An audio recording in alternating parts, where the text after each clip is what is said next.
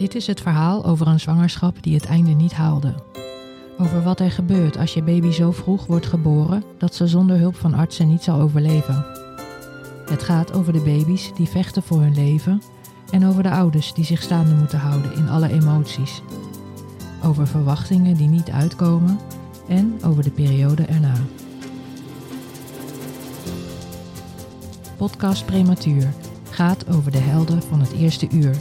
Ik ben Vanessa. Welkom bij Podcast Prematuur. Vandaag praat ik met dokter Jasper Been, werkzaam als neonatoloog-epidemioloog in het Erasmus MC in Rotterdam. Hij kwam onlangs in het nieuws met een constatering dat het aantal vroeggeboortes tijdens de coronacrisis is gedaald. En hij is hier een onderzoek naar gestart. Goedemorgen, dokter Been. Goedemorgen. Naast uw onderzoek waar we het uh, zo over gaan hebben, werkt u ook als neonatoloog met premature geboren vanaf 24 weken zwangerschapsduur. Um, ja, dat klopt. Wat kunt u zeggen over oorzaken van vroeggeboorte? Ja, er is uh, wel aardig wat over bekend. Over uh, groepen waarom kinderen te vroeg geboren worden. Grofweg heb je eigenlijk twee groepen. Eén is de kinderen die vanzelf eigenlijk te vroeg geboren worden. En dus de uh, zwangerschap dient zich eerder aan doordat uh, bijvoorbeeld de vliezen breken of doordat uh, de weeën beginnen. En de andere groep zijn eigenlijk baby's die vanzelf in de problemen komen tijdens de zwangerschap, eigenlijk voor de termijn dat ze normaal geboren hadden moeten worden. Of waarbij de moeder erg ziek is. En dat is vaak een reden voor de gynaecoloog om te zeggen, nou het is veiliger om de zwangerschap te beëindigen. Hmm.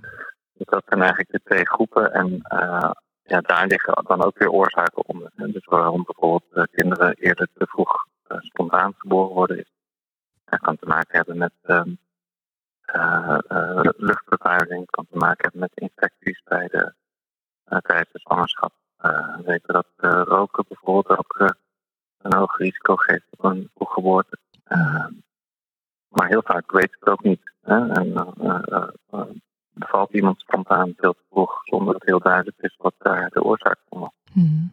En als je het hebt over de andere groep uh, van uh, kinderen die uh, zelf ziek zijn, dan is dat vaak omdat ze niet meer goed groeien. En zodat de, de placenta niet meer goed toereikend is. Hmm. En dat kan ook met ziekte van de moeder te maken hebben. Bijvoorbeeld een, een zwangerschapsvergiftiging. Waarbij of de baby of de moeder heel ziek wordt. En inderdaad op een gegeven moment het veiliger is om de zwangerschap te beëindigen. Hmm. Dus eigenlijk heb je het over heel veel verschillende mogelijke oorzaken. Mm. En ook veel verschillende factoren die daaraan uh, aan bijdragen. En dat maakt het zo lastig mm. om, uh, om het te voorkomen. Mm. Omdat er heel veel verschillende dingen meespelen. Ja. En er zijn ook grote verschillen tussen prematuren. Um, en uh, dat is natuurlijk een onderverdeling naar ja, gelang de kwetsbaarheid. Um, ja. Ziet u enig verband tussen de oorzaak van de vroeggeboorte en op welke termijn een vrouw bevalt. Ja, die zijn er zeker. dus uh, wat je zegt, uh, er zijn enorme verschillen in, in hoe, hoe, ernstig een vroeggeboorte is voor de baby.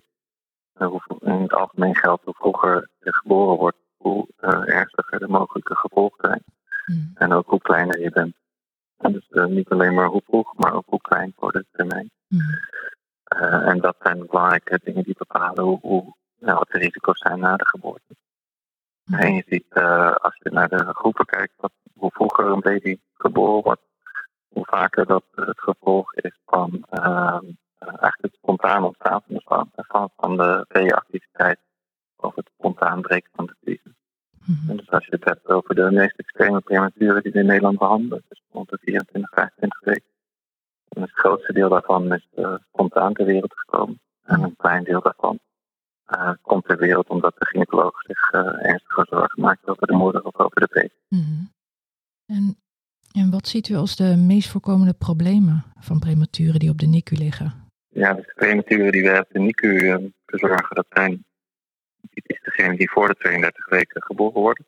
En daar hebben we in Nederland mm -hmm. tien ziekenhuizen die daarvoor gespecialiseerde zorg kunnen leveren.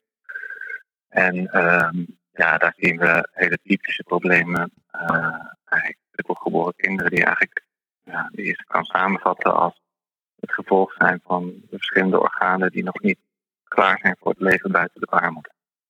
En dan heb je het bijvoorbeeld over longen. Als die in de baarmoeder zitten, hoeven ze natuurlijk nog niet te ademen. Maar uh, buiten de baarmoeder moet dat wel. Want je hebt geen placenta meer die uh, het lichaam van zuurstof voorziet, maar de longen moeten dat gaan doen. En die zijn daar gewoon nog niet goed voor ontwikkeld.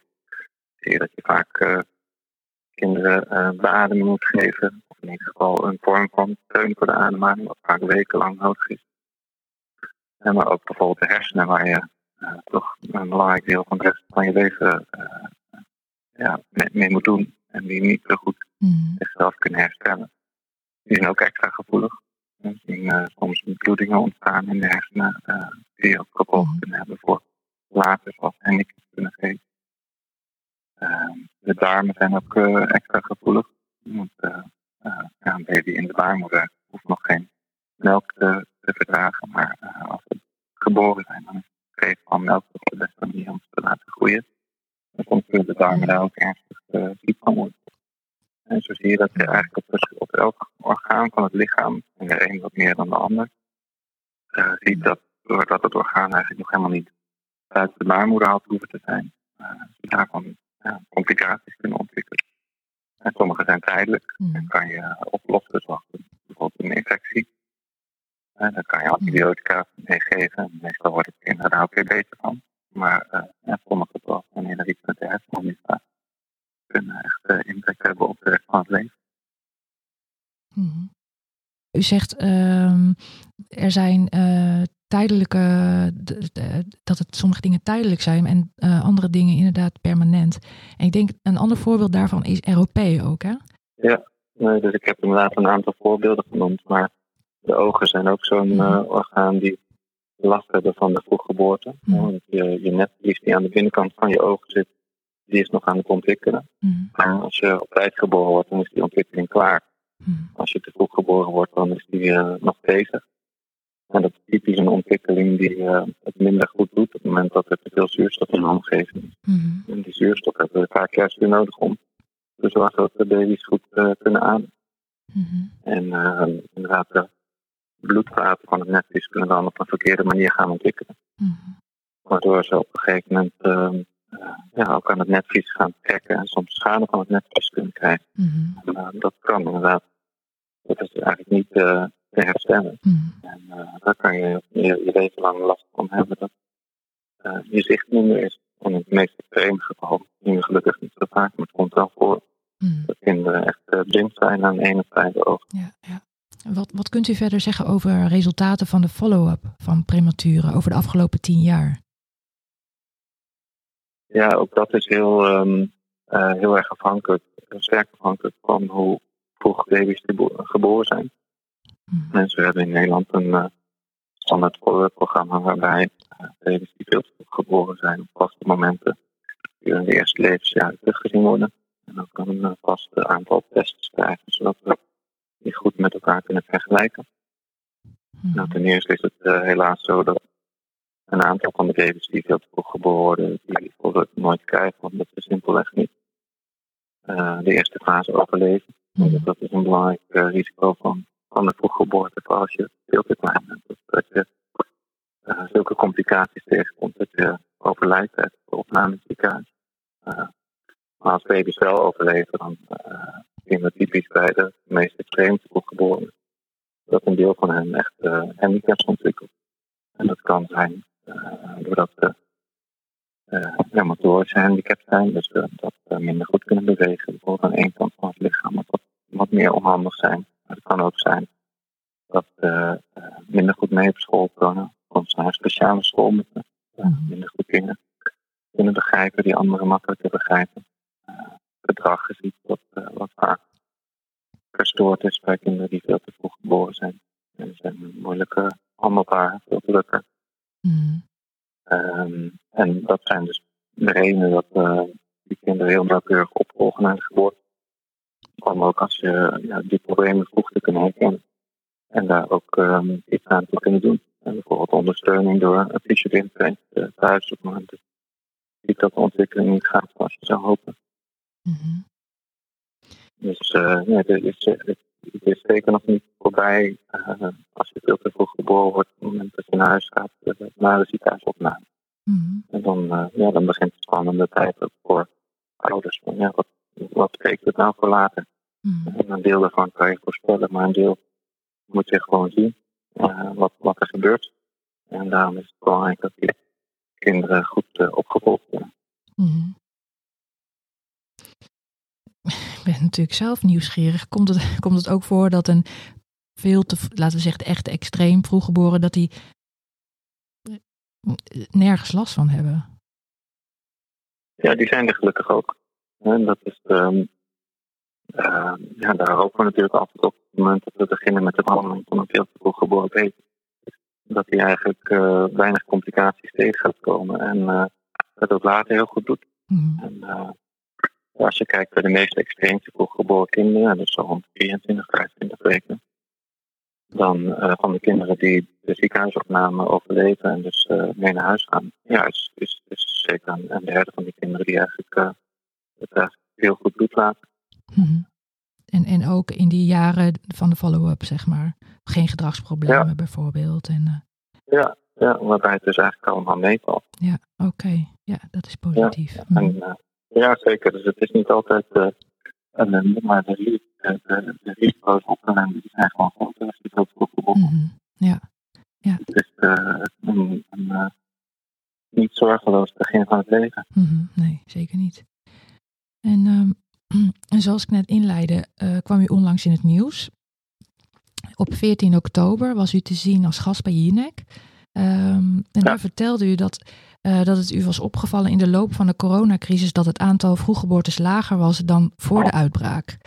Um, ja. En nou begreep ik dat diezelfde geluiden ook uit Denemarken en Ierland waren gekomen. En toen bent u een mhm. onderzoek gestart naar uh, het mogelijk verband tussen die twee. Uh, wat kunt u ja. vertellen over dit onderzoek? Ja, dat klopt. Er was, was eigenlijk geluiden uit verschillende landen en ook in Nederland van uh, artsen die het idee hadden dat er minder kinderen te vroeg geboren werden. Hmm. De, de, degene die in Ierland een van de eerste was die dat opviel, die bijna de, we hadden onze, onze NICU was gewoon leeg. Ja. Nou, zo extreem hebben we het in Nederland niet, uh, niet meegemaakt, maar het gevoel leefde wel. Hmm. Ja, en als een gevoel leeft, dan uh, kan je daar alleen maar goed naar kijken op het moment dat je het systematisch onderzoekt. Hmm. Dus dat hebben we met een groep van uh, onderzoekers en artsen uit Erasmus uh, gedaan. Uh, we hebben gegevens opgevraagd van de Hieltex screening. Dus dat zijn alle baby's die geprikt zijn in de eerste levensdagen om te kijken of ze ehm, aangeboren ziektes hebben.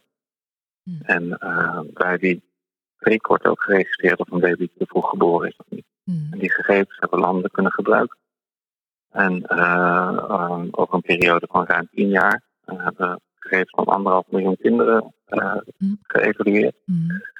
En dan zie je dat kort nadat eigenlijk de eerste maatregelen in Nederland om het coronavirus in te dammen zijn ingevoerd, er inderdaad veel minder kinderen te vroeg geboren werden. Mm. En dat mm-hmm. gaat om ongeveer 15 tot 23 procent.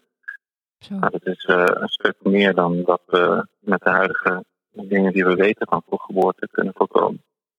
Mhm. En uh, ja, dat geeft dus ook een, in ieder geval de hoop dat we meer kunnen leren uit het onderzoek om uh, waarmee we misschien in de, in de toekomst voor geboorte wat meer kunnen voorkomen. Mm uh, ja, dan komt natuurlijk direct de vraag van waar komt dat dan door? Hoe, hoe, hoe, komt het dat die kinderen minder uh, geboren zijn? Mm nou, dan kom je eigenlijk ook weer terug op waar je het gesprek mee begon. Van wat zijn de oorzaken van vroeggeboorte? Mm en kan het zijn dat de maatregelen uh, tegen corona daar een invloed op hebben gehad. Mm uh, daar zijn we nu met uh, heel veel verschillende onderzoekers uit, uit heel Nederland bij elkaar aan het zitten.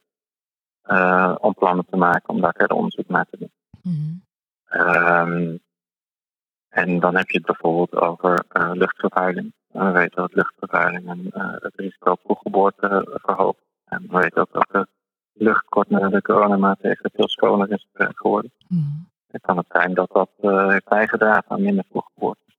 Uh, het kan het zijn doordat mensen, een zwangere, ook minder infecties hebben gehad. En doordat we allemaal wat corona zijn gaan leven. Mm. Dat we daardoor minder vroeggeboortes hebben. Of is er toch ook een rol voor de, voor de zorg? het feit dat misschien zwangeren bang waren om naar het ziekenhuis te gaan. misschien En ook uh, de zwangere wel op een, op een andere manier omdat de zorg anders werd ingericht. En dat zijn allemaal vragen die we nog, nog steeds hebben. Hmm. En waar we de komende ja, maanden, jaren hopen antwoord op te krijgen. Dat we echt kunnen leren van hoe, hoe kunnen we een deel van die vroeggeboortes verminderen. Mm ja, het komt net in me op. Zou, zou bijvoorbeeld, ik, ik weet niet of je daar toevallig iets over weet, zijn er ook minder mensen gaan roken uh, met het, hè, in het achterhoofd die angst voor die corona? Ja, dat is een hele goede vraag. Uh, dat, in andere landen lijkt dat wel zo te zijn, dat, uh, dat mensen echt wel minder zijn gaan roken. Omdat er aanwijzingen zijn dat als je rookt dat, en je krijgt corona, dat het een ernstige verloop heeft. Mm. in Nederland zijn daar de geluiden wat wisselend over. Mm specifieke gegevens over of zwangeren meer of minder zijn gaan roken, of mensen meer of minder in de buurt van zwangeren zijn gaan roken, die hebben, hebben we helaas niet. Hmm. En een andere factor is bijvoorbeeld uh, nog stress. Je kan je voorstellen dat uh, sommige vrouwen meer stress zijn gaan ervaren door, door de hele crisis. En zeker als je, uh, als, je als het om dingen gaat waar je zelf weinig invloed op hebt. Maar dat andere vrouwen die bijvoorbeeld meer thuis konden gaan werken en niet meer elke dag op en neer naar hun werk hoefden, mm -hmm. minder diensten hoefden te draaien, dat die, dat die misschien wel juist wel minder stress hebben ervaren. Dat weer een positief effect kan hebben op het risico op vroeggeboorte. Mm -hmm. um, dus dat zou eigenlijk betekenen, de positieve resultaten daarvan, dat dat dus ook een deel van die grote groep oorzaak onbekend kan verklaren. Ja, dat hopen we natuurlijk. Mm Dat hopen we dat we daar iets meer over kunnen leren. En we zullen het niet in één klap opgelost krijgen, want het is, uh, het is wel een flinke afname van de vroeggeboortes. Mm Maar ja, dat levert er ook nog steeds een hele hoop over. Maar als we een beetje iets kunnen leren, dan kunnen we daar hopelijk toch uh, in de toekomst uh, een verbetering mee krijgen. Mm En ook zorgen dat er minder kinderen te vroeg geboren worden. Mm En dus minder kinderen die onzekere start hebben van het leven. Mhm.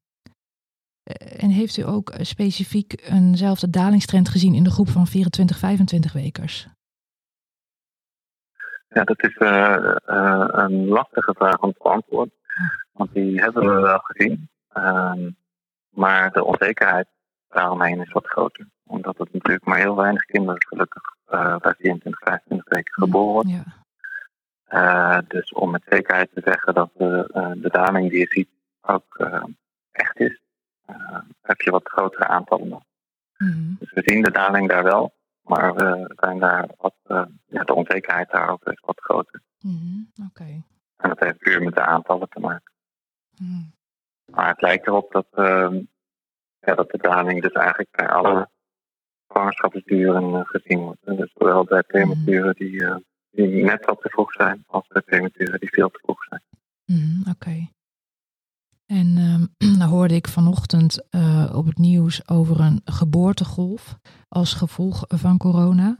Um, ja, is daarin dezelfde relatieve daling van het aantal vroeggeboortes te zien? Ja, daar kan, kunnen we nog niks over zeggen. Oh. Omdat um, uh, ja, wij, hebben, wij hebben zelf, zijn wel geïnteresseerd ook in de in Nederland. Maar die um, ja, dat zijn baby's die nu pas ongeveer net geboren zijn. Mm. En uh, de gegevens um, hebben we nog niet naar kunnen kijken of, of daar dan ook minder kinderen zijn die vroeg geboren worden. Maar dat is wel belangrijk, want um, uh, het effect wat we in het begin hebben gezien, natuurlijk met zwangerschappen die voor een deel uh, buiten de coronacrisis al waren. En dus die vrouwen die hadden al het grootste deel van hun zwangerschap gehad in, in, de fase dat er nog geen corona was. Mm -hmm. En het is heel interessant om te kijken wat, is, wat gebeurt er nou met de zwangerschappen die helemaal tijdens de coronacrisis mm zijn, hebben plaatsgevonden. Ja, ja absoluut. Ja, dus daar kunnen we zeker nog meer van leren. En als zelfisolatie en rust en minder stress, um, een gezondere lucht, uh, zo'n effect hebben uh, op een zwangerschap. En dan natuurlijk vooral uh, de minder stress en de betere hygiëne. Um, ziet u dan aan de hand van de eventuele resultaten van dit onderzoek ook een lobby voor zich om het zwangerschapsverlof uit te breiden?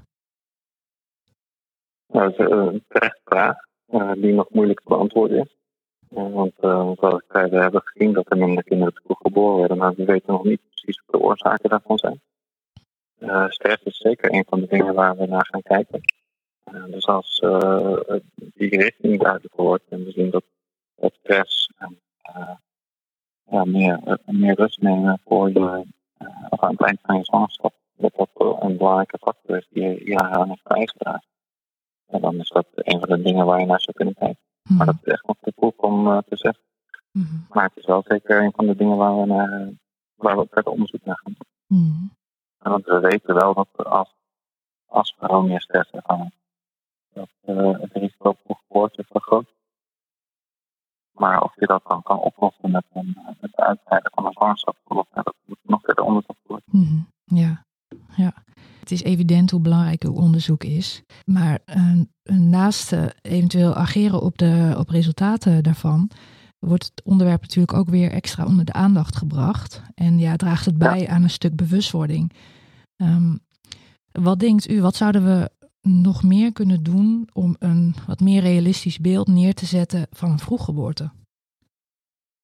Nou, dat is een belangrijke vraag. Want je merkte ook weer toen, toen we met dit onderwerp in het nieuws waren, dat heel veel mensen die het niet in hun nabije omgeving hebben meegemaakt, eigenlijk niet echt een beeld van hen. Wat je merkt dat veel mensen denken, is dat uh, een baby die te vroeg geboren is, dat hij gewoon te klein en te jong is en een tijdje in de couveuse moet groeien. Mm. En dat het dan uh, klaar is en die gezond mee naar huis gaat. Uh, nou, zoals je zelf hebt meegemaakt, weet je dat het ook heel anders kan zijn en vaak ook anders is. Mm. Dus ik denk die bewustwording is ontzettend belangrijk. En um, nou, wat dat betreft is het prachtig dat je deze podcast ook maakt om, om, mm. om dit onderwerp verder onder de aandacht te brengen. Mm.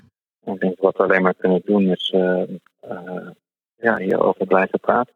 En uh, laten zien dat het, dat het meer is dan alleen maar een te kleine jonge baby die een tijdje moet groeien. Mm. Maar dat er belangrijke risico's zijn. Dat die risico's de rest van je leven ja. met je mee kan nemen. Mm-hmm. En niet alleen maar voor de, voor de baby en de persoon later zelf maar ook voor het gezin eromheen. Mm ja. Het heeft een enorme eh, impact. Mm ook dat heb je zelf meegemaakt. Dat je mhm. maandenlang uh, met in onzekerheid naast je baby in het ziekenhuis zit. Mhm. Ja, dat, uh, dat, is, dat is enorm. En daar mag zeker meer aandacht voor zijn. Ja. ja. Nou, tot slot. Um, wat zou u aan zwangere vrouwen en ouders van prematuren willen meegeven? Ja, dat is een hele lastige vraag om uh, te beantwoorden. Ik denk wat, uh, wat belangrijk is als, als, als zwangere is om, uh, om vertrouwen te hebben in, in je zwangerschap. zeker zolang dat nog past. Mm -hmm. En niet de zorg te mijden. Het blijft ook in de coronacrisis, als, als dingen wat spannender zijn, toch gewoon naar je verloskundige gaan en naar de gynaecoloog. Mm -hmm. Dat je de juiste zorg krijgt. Uh, en voor ouders van prematuren. Ja, luister ook naar, naar ervaringen van anderen. Uh, en luister ook vooral naar je medisch team over wat je kan verwachten en wat de risico's zijn. Mm. En um, ja, het, het, vertrouwen en, en in de toekomst aanwezig vooral ook voor je, voor je kind en voor elkaar. Mm. En we weten dat um, heel veel dingen heb je als ouder niet in de hand. Maar wat je wel kan doen is er zijn twee baby's. En naast die zitten met je kind op de borst op de afdeling zitten. Uh, dat contact herstellen en ook ontzettend investeren in je kind als die, als die helemaal thuis. Want op die manier kan je toch misschien de achterstanden die die heeft ja, zoveel mogelijk beperken en, en, misschien een beetje inhalen. Je ziet wel te weinig dat mensen zich dat realiseren. Mm -hmm, ja. vaak hebben ouders het idee dat op het moment dat uh, dat zo'n beetje op die unieke ligt dat het helemaal uit hun handen is. En dat er niks meer is wat ze zelf kunnen doen. Uh, en natuurlijk, natuurlijk is er minder wat je zelf kan doen. En moet je een deel van de liefde en zorg overdragen aan een medisch team. Mm -hmm. Maar de, de, dingen die je nog kan doen, uh, ja, dat, die, die, moet je echt niet onderschatten. En die zijn ontzettend belangrijk voor de ontwikkeling ja. van, van je kind. Mm -hmm. ja. En ik denk dat die, die realisatie kan je, kan je ook kracht geven als ouder. Mm Ja. ja. Dus dat is wel iets wat ik altijd benadruk. En, nou, niet iets wat ik te weinig zie. Maar wel wat mensen zich denk ik soms te weinig realiseren. Ja, dat denk ik ook. Ja. Zou ook een stuk wanhoop wegnemen, denk ik. Ja, ja. Dat je, dat je doet wat je kan. Mhm. En het is misschien minder dan dat je zou willen, maar meer dan dat je misschien denkt.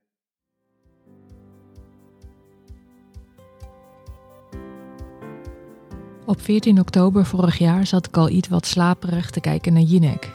Daar blijf ik altijd graag nog even voor op. Ik was wel ineens klaar wakker toen deze dokter aan het woord kwam. Ten eerste omdat het onderwerp vroeggeboorte bij Jinek ter tafel kwam, maar ook door een toch zo'n onverwacht positief effect als gevolg van de coronacrisis. Natuurlijk kan je met je boerenverstand wel nagaan dat extra je handen wassen, minder handen- en knuffelcontact het risico op infecties verkleint. Geen contacten betekent gewoon geen overdracht van bacteriën of virussen. Weinig mensen zien, niet meer uit kunnen, geen woon-werkverkeer hebben, betekent meer thuis zijn en wellicht meer rust in je lijf. Maar quarantaine betekent ook meer op elkaars lip zitten. En ik kan me voorstellen dat niet ieders relatie dat even goed doet. Meer ruzies betekent wel meer stress. Als zwangeren anders benaderd zijn door de zorg, als ze minder snel aan de medische bel trokken, zijn er dan misschien meer baby's overleden dan voorheen? We moeten het onderzoek afwachten.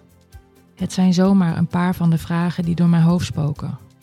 Maar als zwangere kan alvast een keer extra je handen wassen geen kwaad, toch?